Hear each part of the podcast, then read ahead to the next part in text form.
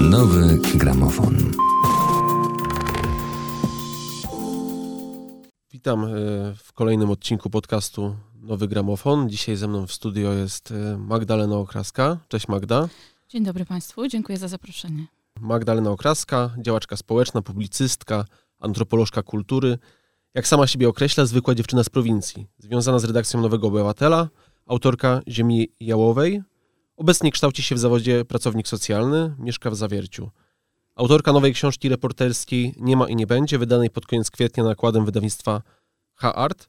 I Magdo, wokół tej książki dzisiaj głównie byśmy się poruszali, mm, o niej porozmawiali. E, twoja pierwsza książka Ziemia Jałowa traktowała mm, głównie o zawierciu. E, w Nie ma i nie będzie jeździsz po całej Polsce. Możemy wyliczyć miasta i miasteczka, które opisujesz.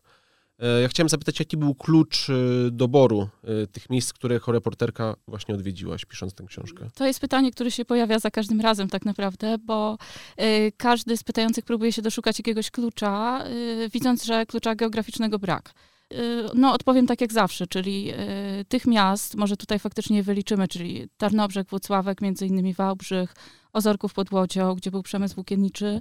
Tych miast jest i miasteczek jest 10 w książce i nie łączy ich właśnie kręgosłup geograficzny, tylko one są takim uniwersalnym przykładem y, polskiego miasta pomiędzy powiedzmy 5 a 100 tysięcy mieszkańców, w którym Zanik upadł, doprowadzono do likwidacji przemysłu, bardzo często jedynego przemysłu, który organizował wokół siebie e, społeczność całego miasta.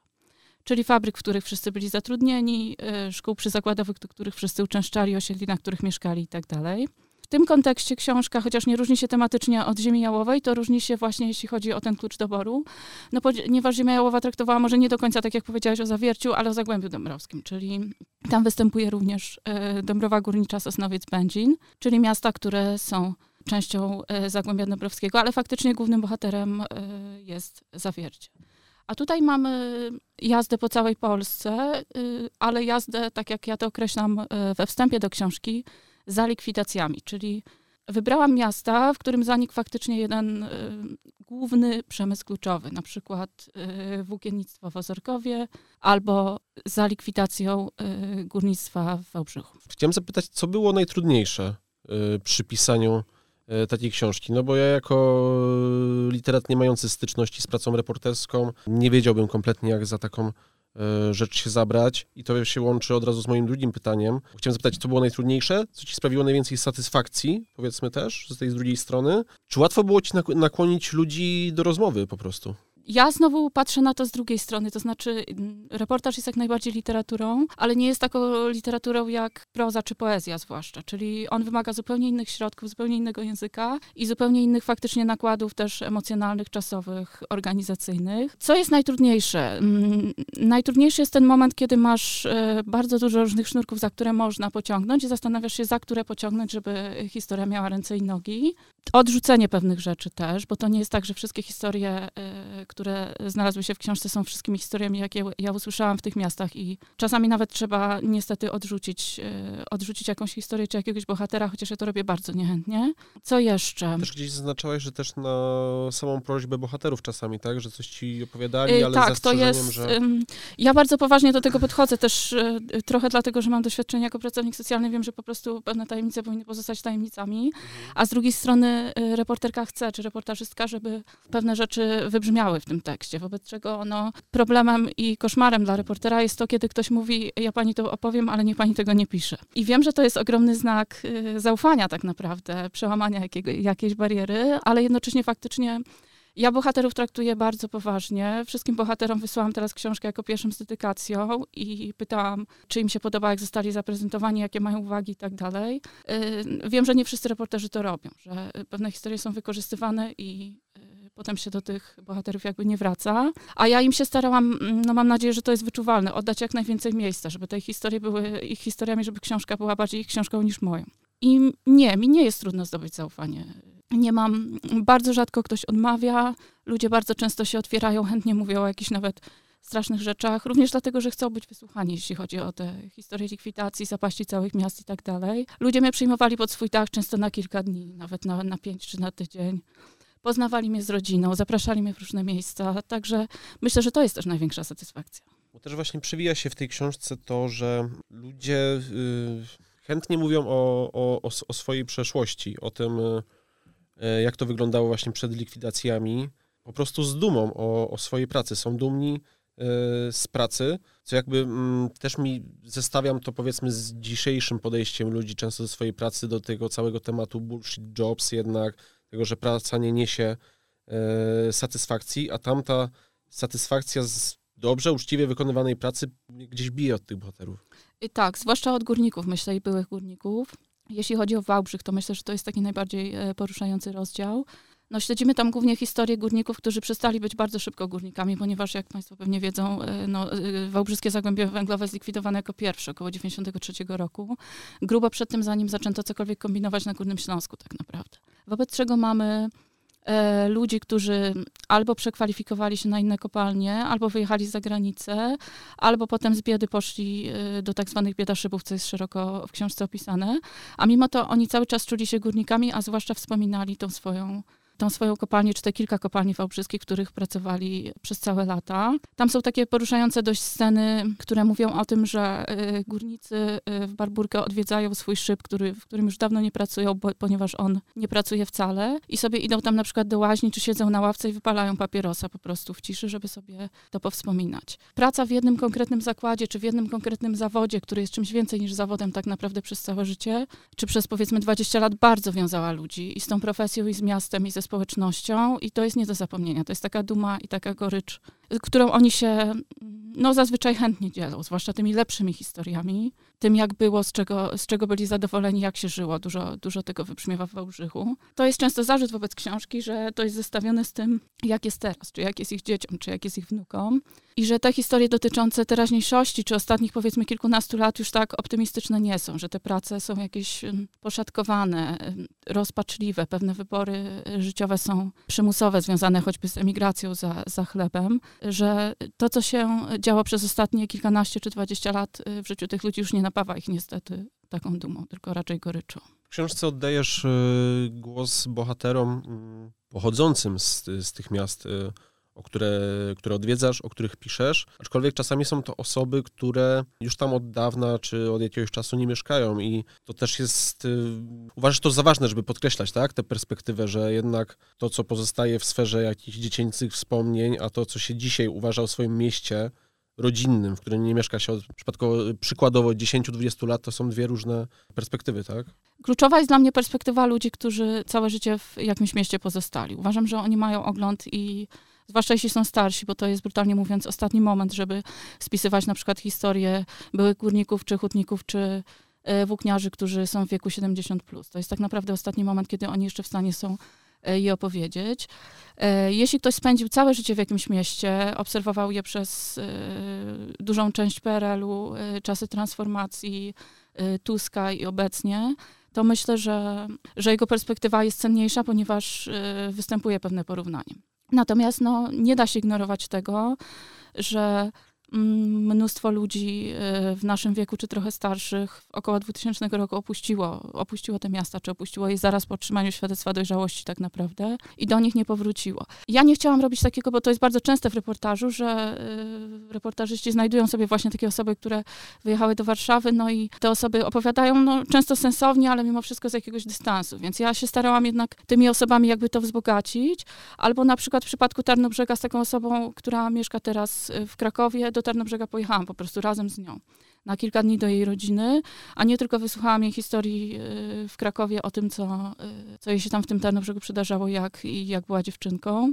Ale kluczem jest, myślę, jednak perspektywa osób, które mieszkają w tych miastach y, obecnie, również, również młodych bo tam mamy przekrój pokoleniowy. Są ci starzy y, górnicy, hutnicy, włókniarze, byli pracownicy różnych zakładów i pracownice również. I są osoby po 40, które z tych miast wyjechały. I są nawet osoby po 20. Mamy też na przykład w Ozorkowie mamy bohatera, który ma 22 lata i w Ozorkowie mieszka. Także przede wszystkim... Który nosi się z zamiarem jednak wyjechania, Tak, prawda? tak. To jest też... Um, ja się staram y, nigdy nie, nie sugerować bohaterom, że w ich mieście jest w cudzysłowie źle, ponieważ to oni mają mi powiedzieć, czy oni uważają, że jest w nim źle, czy dobrze e, jakich perspektyw się spodziewają, e, czy uważają e, pozostanie w tym mieście za sukces, czy za porażkę, a może po prostu no, mm, robią sobie jakiś bilans i niekoniecznie uważają za jedno czy, czy za drugie. To tak naprawdę no, staram się, żeby to było najbliżej ich prawdy, co zostanie powiedziane, bo ta warszawska, czy taka mm, centroperspektywa, która mówi, że wyjazd z małego miasta do dużego jest sukcesem, w ogóle do mnie nie przemawia i myślę, że do wielu mieszkańców małych miast również, bo to jest trochę obraźliwe. Czytając właśnie ten e, rozdział, właśnie rozdział o Wałbrzychu, to e, przyszła do mnie taka refleksja, że, że kojarzy mi się trochę z historią Detroit e, i zrobiłem się trochę głupio, bo pomyślałem, że więcej się wie o tym Detroit niż faktycznie o Wałbrzychu, ale potem sama też przywołujesz chyba, chyba właśnie to Detroit. No i w sumie stwierdziłem, że no trochę o to chodzi, że piszesz książkę o miejscach, w których ludzie powinni wiedzieć, jak potoczyła się ich historia, ale nie wiedzą często i Stąd rodzi się moje pytanie, do kogo tę książkę głównie kierujesz? E, na pewno nie kieruję tej książki e, do lekko uwrażliwionej e, wielkomiejskiej klasy średniej, która chciałaby ją przeczytać na zmianę z wysokimi obcasami przy sobotnim śniadaniu i się trochę wzruszyć, ale zaraz zapomnieć nazwy miejscowości. Ja wiem, że to jest grupa docelowa, do której często są kierowane reportaże, zwłaszcza tak zwane społecznie wrażliwe, ale ja się staram w obu książkach mm, ten krąg przełamać. Bardzo mi zależy i wydaje mi się, że to się dzieje, że docieram do tak zwanych zwykłych ludzi, czyli z tych miast i z innych miast spływają do mnie jednak e, zaproszenia do bibliotek, jakieś potwierdzenia, że tak, właśnie tak było, dziękuję, że opisała Pani historię mojego zakładu tak szczegółowo, e, może Pani przyjedzie do piekar, może Pani napisze o Piotrkowie i tak dalej. E, ludzie chcą takich historii, oni nie chcą, żeby one im wzbogacały właśnie śniadanie w Charlotte, tylko to są historie o ich życiu. Chcą, żeby były opisane e, możliwie detalicznie, uczciwie ich słowami, także ten modelowy, wymarzony czytelnik to jest każdy. To na pewno nie jest grupa y, tak zwanych wielbicieli reportaży. Rozmawialiśmy też o tym, że, że reportaż oczywiście jest literaturą. Chciałem tutaj zapytać y, ciebie o właśnie o, o, samą taką czystą literaturę, bo oczywiście, że tutaj najważniejsze, tak mi się wydaje, że są historie y, ludzi, ale wzbogacasz to takimi pięknymi, moim zdaniem, opisami po prostu, taką czystą, tutaj wyabstrahowaną literaturą. Czy zajmujesz się też pisaniem fikcji literackiej, oprócz tego, że, że właśnie zajmujesz się tym, co wymieniłem wcześniej? I... To znaczy, no tak, zdarzało mi się napisać coś fikcyjnego, ale no jakby nie widzę się w tym do końca w historii zmyślonej, bo w fikcji tak naprawdę chodzi o historię i chodzi też o język, ale masz rację, że mi w reportażu też zależy na języku. On jest oceniany różnie, bo były już, yy, były już opinie, że jest na przykład chropawy i tak dalej. Były jakieś tam próby redakcyjne, żeby yy, mi dużo rzeczy wywalać, ponieważ yy, są powtórzenia. Natomiast moim zdaniem reportaż, reportaż właśnie to też jest literatura, czyli on nie polega tylko na tym, żeby były mocno zredagowane cytaty z bohaterów i jakieś słowa typu następnie udałem się do biura Rzecznika Urzędu Miasta, prawda, zdania. Tylko ja jestem też troszeczkę bohaterką swojego reportażu w obu książkach, w tej drugiej mniej, e, dlatego że po pierwszej dostałam dużo sygnału, że nie powinnam być tak bardzo bohaterek, bohaterką swoich książek, ale nadal moja obecność jest, myślę, wyczuwalna. Jest dużo historii o tym, co ja sobie myślałam, jak się czułam, jaka była pogoda, co jadłam, co piłam i tak dalej. Niektórzy uważają to za zabawne, natomiast ja myślę, że to jest ten literacki y, dodatek który jednocześnie nie jest jakiś językowo przekombinowany, ale też nie jest, no nie jest językowo tak, tak chłodny, jak niektórzy uważają, że reportaż powinien być pisany. Być może dlatego y, opinie na temat y, mojego pisania i tego, czy w ogóle to jest reportaż, czy spełnia wytyczne reportażu są tak podzielone. Bo sama też zwracasz uwagę na to miejską literaturę. W różnych miejscach będąc wynotowujesz najciekawsze napisy na murach, na przykład jest e, jeden z cytatów e, na pierwszym miejscu Bóg, na pierwszym miejscu wiara i jebać szatana. Tak, to jest skarżysko kamienna, tak. Tak, co mi się potem przypomniało, że to jest faktycznie cytatem, jest taka piosenka. A ja nawet nie wiedziałam, że to jest piosenka, po prostu Posłuchać. zwrócił uwagę ten napis, jest, bo był, był duży w przejściu podziemnym. E, natomiast właśnie jeżeli e, literatura muzyka, no to też e, widać duże twoje zainteresowanie hip-hopem, które które jak, jak, nie wiem, jak piszesz, czy jak uważasz, że najrzetelniej, najmocniej opisuje prawdziwe przeżycia, powiedzmy, ludzi z tych miast, które opisujesz? Myślę, że hip-hop jest takim nowym punk rockiem trochę, to znaczy nie nowym, bo wiadomo, że hip-hop ma długą historię, ale jest powiedzmy bardziej mainstreamowo dostrzegany w tym momencie w Polsce, e, że jest to muzyka, którą można robić na poziomie, y, na wysokim poziomie produkcyjnym, estetycznym i zarabiać na tym kupę forsy w drogich ciuchach, ale to jest też to muzyka, którą można robić w jakimś studiu czy w domu, nagrywając coś tam i mieć potem 200 odsłon na YouTubie.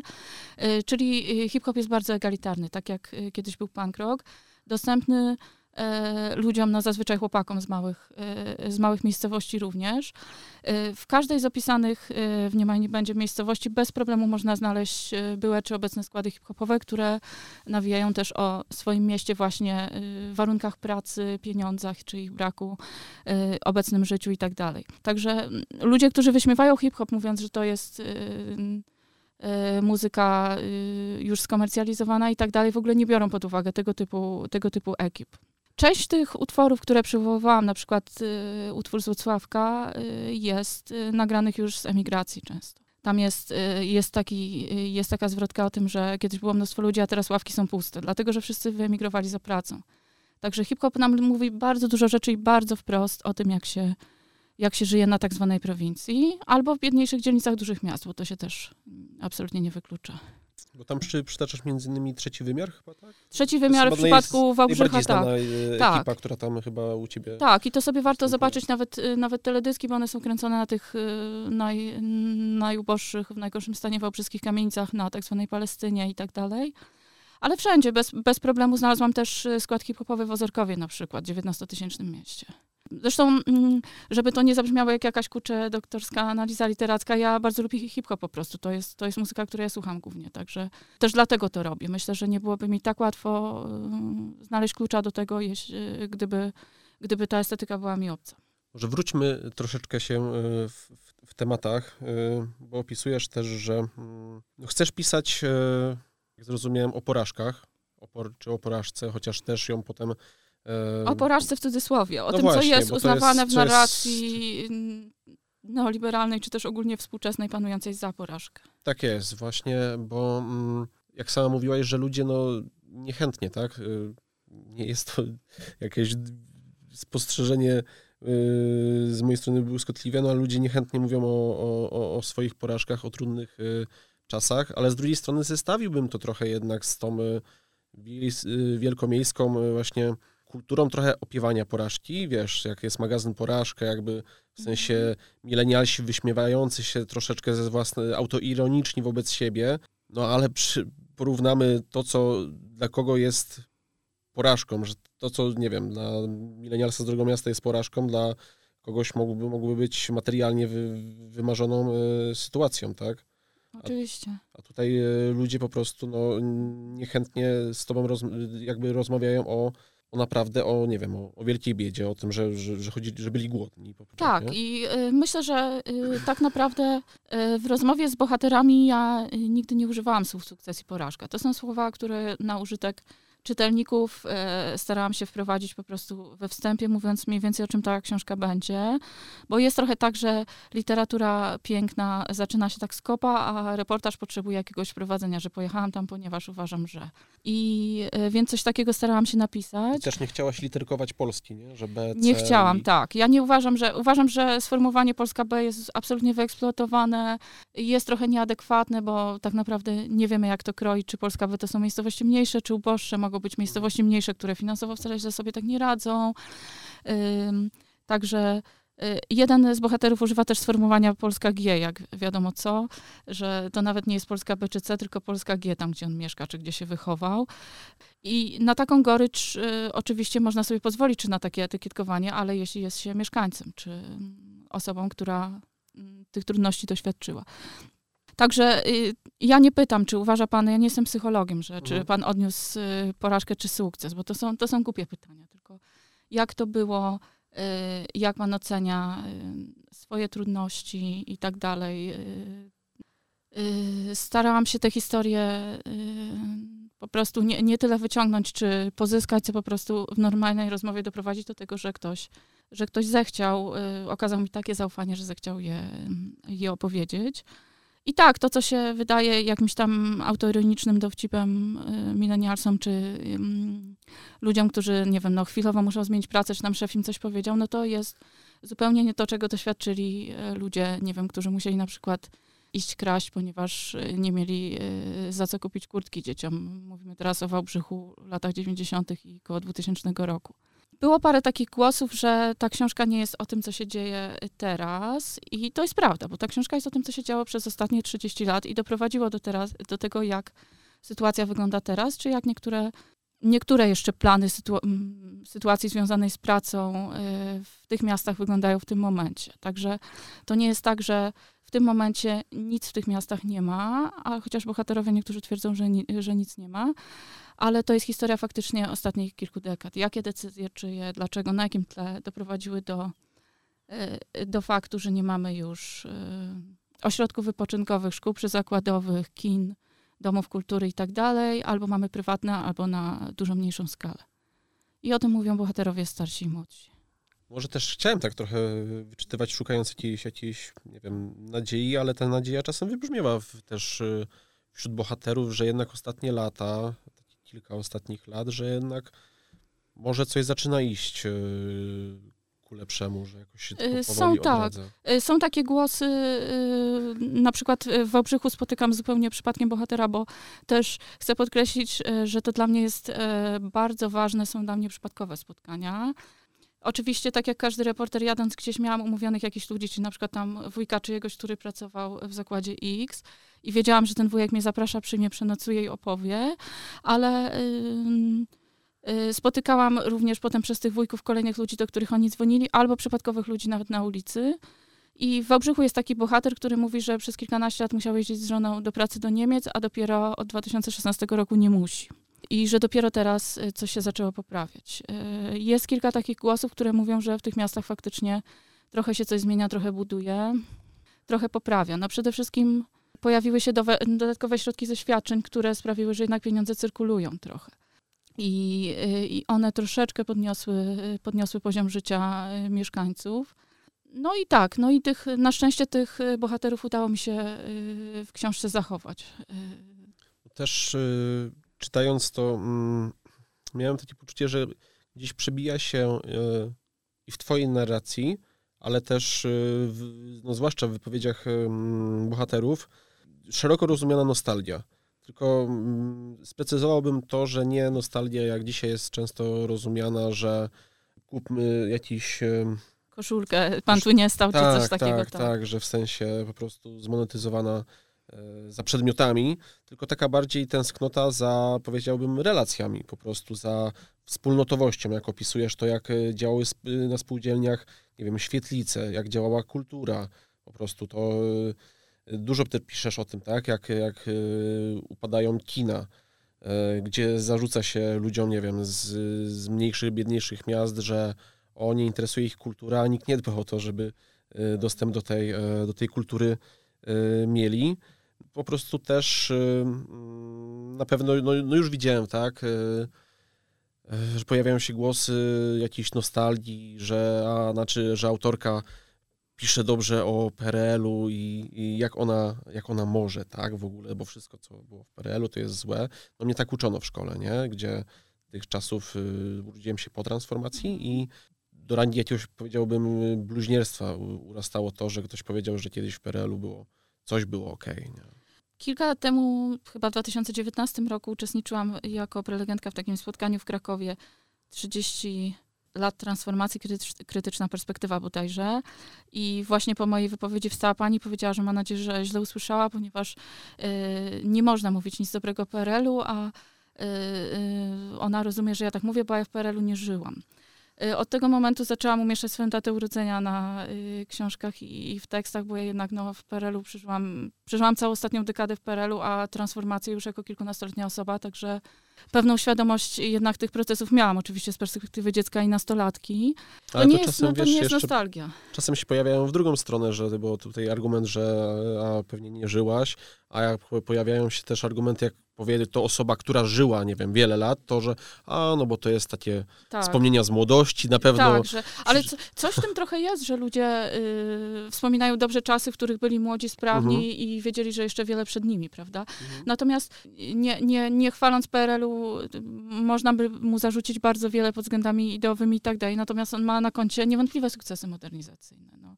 Cały awans społeczny, który wysłał naszych rodziców czy dziadków na studia, czy choćby do szkół średnich, zawodowych, y, wyrwał, brutalnie mówiąc, mnóstwo ludzi ze wsi i skierował ich do bloków, które budował milionami. Wszyscy mieszkamy, prawie wszyscy tak naprawdę w spółdzielniach mieszkaniowych budowanych wtedy. Y, Gdyby nie było tych 50 lat, mm, jakich 50? Gdyby nie było tych y, 40 paru lat, no to, to nie wiem, co by tak naprawdę w tym okresie było, a my ciągle mm, generalnie no, uwłaszczyliśmy się trochę na tej infrastrukturze, która została wtedy stworzona. Na rozwiązaniach może nie, bo bardzo mocno y, po 90 roku naciskano, żeby je zniszczyć. Y, Zniszczono chociażby prawie cały mm, istotny transport y, kolejowy na jakichś mniejszych trasach. I to nie jest nostalgia, y, no już nawet nie mówię o sobie, tylko o bohaterach i w ogóle o ludziach, którzy wspominają PRL. To jest y, tęsknota za stabilnością, czy potrzeba stabilności. Kształcę się na fryzjera, to pracuję jako fryzjer, a nie dwa, za dwa lata jako piekarz, a za trzy lata muszę wyjechać do Szkocji. Jak też Uczęszczam wpisujesz- gdzieś do Domu Kultury, wysyłam dzieci do przedszkola przyzakładowego, które jest niemalże za darmo. To są te zdobycze, które nie są charakterystyczne tylko dla socjalizmu. One są charakterystyczne dla dobrze zarządzanych y, państw, również w jakimś y, systemie kapitalistycznym czy mieszanym, tylko że u nas jest to uważane za trochę za wynaturzenie, gdy się o tym mówi, że coś powinno być dostępne, czy y, ola Boga coś powinno być y, za darmo, czyli być de facto usługą publiczną. Też bardzo duża gorycz przybija, nie? Z, y, gdy mówią o tych, y, gdy mówią po prostu o likwidacji, o zaoraniu tego wszystkiego, gdzie jak często właśnie dopytujesz, że nie wiem, że w danym miejscu złoża były, że można by to kontynuować, tak? Modernizować, jakoś zmienić zarządzanie, ale kontynuować wydobycie, wytwarzanie i tak dalej, a zgliszcza, nie? Po prostu. Tak, tak. To nie jest. ym, y, bardzo często też ym, argumentem za tymi przemianami, y, bardzo szybkimi zresztą i drastycznymi, które nastąpiły, y, jest to, że zakłady były rzekomo nierentowne, technologie były przestarzałe i tak dalej. Jest to częściowo prawda, ale y, w sporej mierze nie, ponieważ y, następowała też tak zwana prywatyzacja kapitałowa dobrze działających zakładów, czy zakładów, które miały niewielkie długi i z pewną pomocą e, stanęłyby na nogi. Wyprzedawano je za śmieszne sumy i za śmieszne długi tak naprawdę. W pierwszej książce opisuje sytuację, że e, zakłady w zawierciu były sprzedawa- e, zostały sprzedane tak naprawdę za długi w wysokości kilkuset tysięcy złotych, czyli kwoty, za które w tym momencie można kupić pewnie dwa mieszkania, no a 10 lat temu można było tam powiedzmy sześć. Za takie, y, za takie długi likwidowano, zaorywano cały zakład, łącznie z jego infrastrukturą, zwalniano setki ludzi z pracy.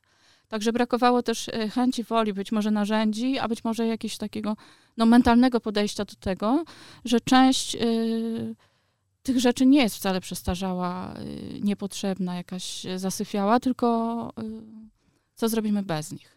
Tego, tego namysłu brakło. Albo nie brakło, tylko po prostu nie, nie, z całą świadomością nie zastosowano pewnych rozwiązań. Jeżeli chodzi o tą wspólnotowość, e, nawet jeżeli w ramach tych osiedli, to jest, jest twoja rozmowa z, z Jankiem, e, śpiewakiem, no, który mówi, że dzisiejsze spółdzielnie po prostu no, nie działają tak, e, tak naprawdę. No nie działają tak, jak kiedyś działały, że z, y, y, Janek mówi w tym rozdziale o polityce mieszkaniowej, że nie działają spółdzielnie molochy, Mhm. a jednocześnie trudno jest samodzielnie coś założyć i y, żeby na przykład grupa ludzi y, y, skrzyknęła się i budowała budynek i go zasiedliła.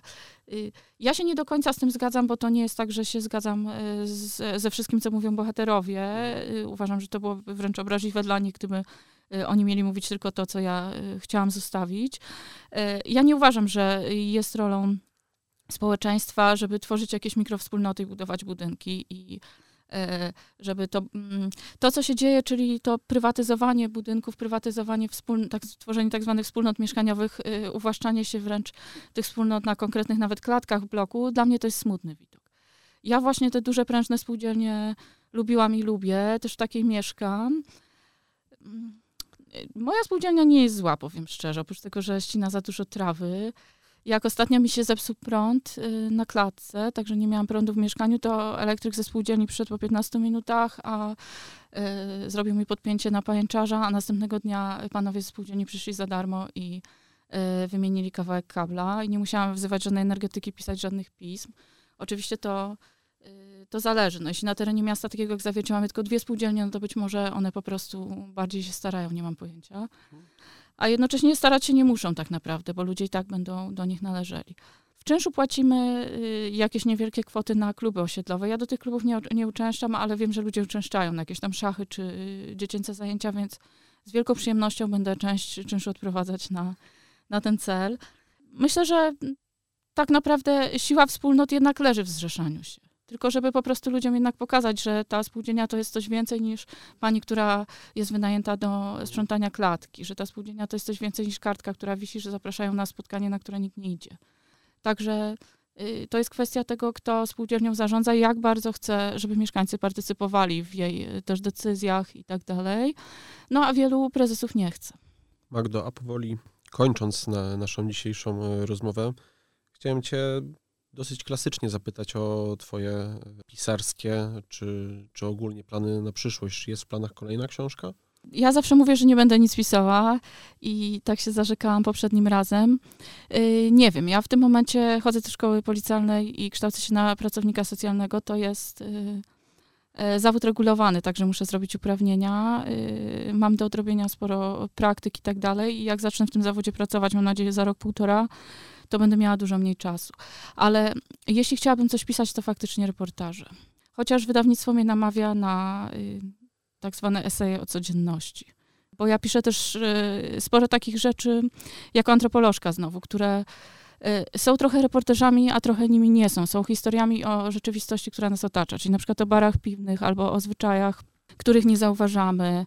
Nie tak folklorystycznie, tylko faktycznie o tym, co się kryje w codzienności, y, w rzeczach, które robimy, które powtarzamy codziennie i jak bardzo kultura nas y, determinuje. Tylko staram się podać to w formie takiej powiedzmy dość lekkiej, a nie y, i bardziej literackiej niż naukowej. No i myślę, że to też można by kiedyś spisać i o tym, o tym myślałam. Cóż, no na pewno tak samo jak wydawnictwo namawiałbym cię do, tego? do napisania takiej książki i chętnie e, bym ją przeczytał. E, dziękuję Ci bardzo za przyjęcie zaproszenia. To był podcast e, Nowy Gramofon. Naszą gościnią była Magdalena Okraska. Książka Nie ma i nie będzie jest już e, dostępna w księgarniach internetowych na stronie wydawnictwa H-Art. Bardzo polecamy i dziękuję. Dziękuję. Program powstał w Instytucie Literatury w Krakowie.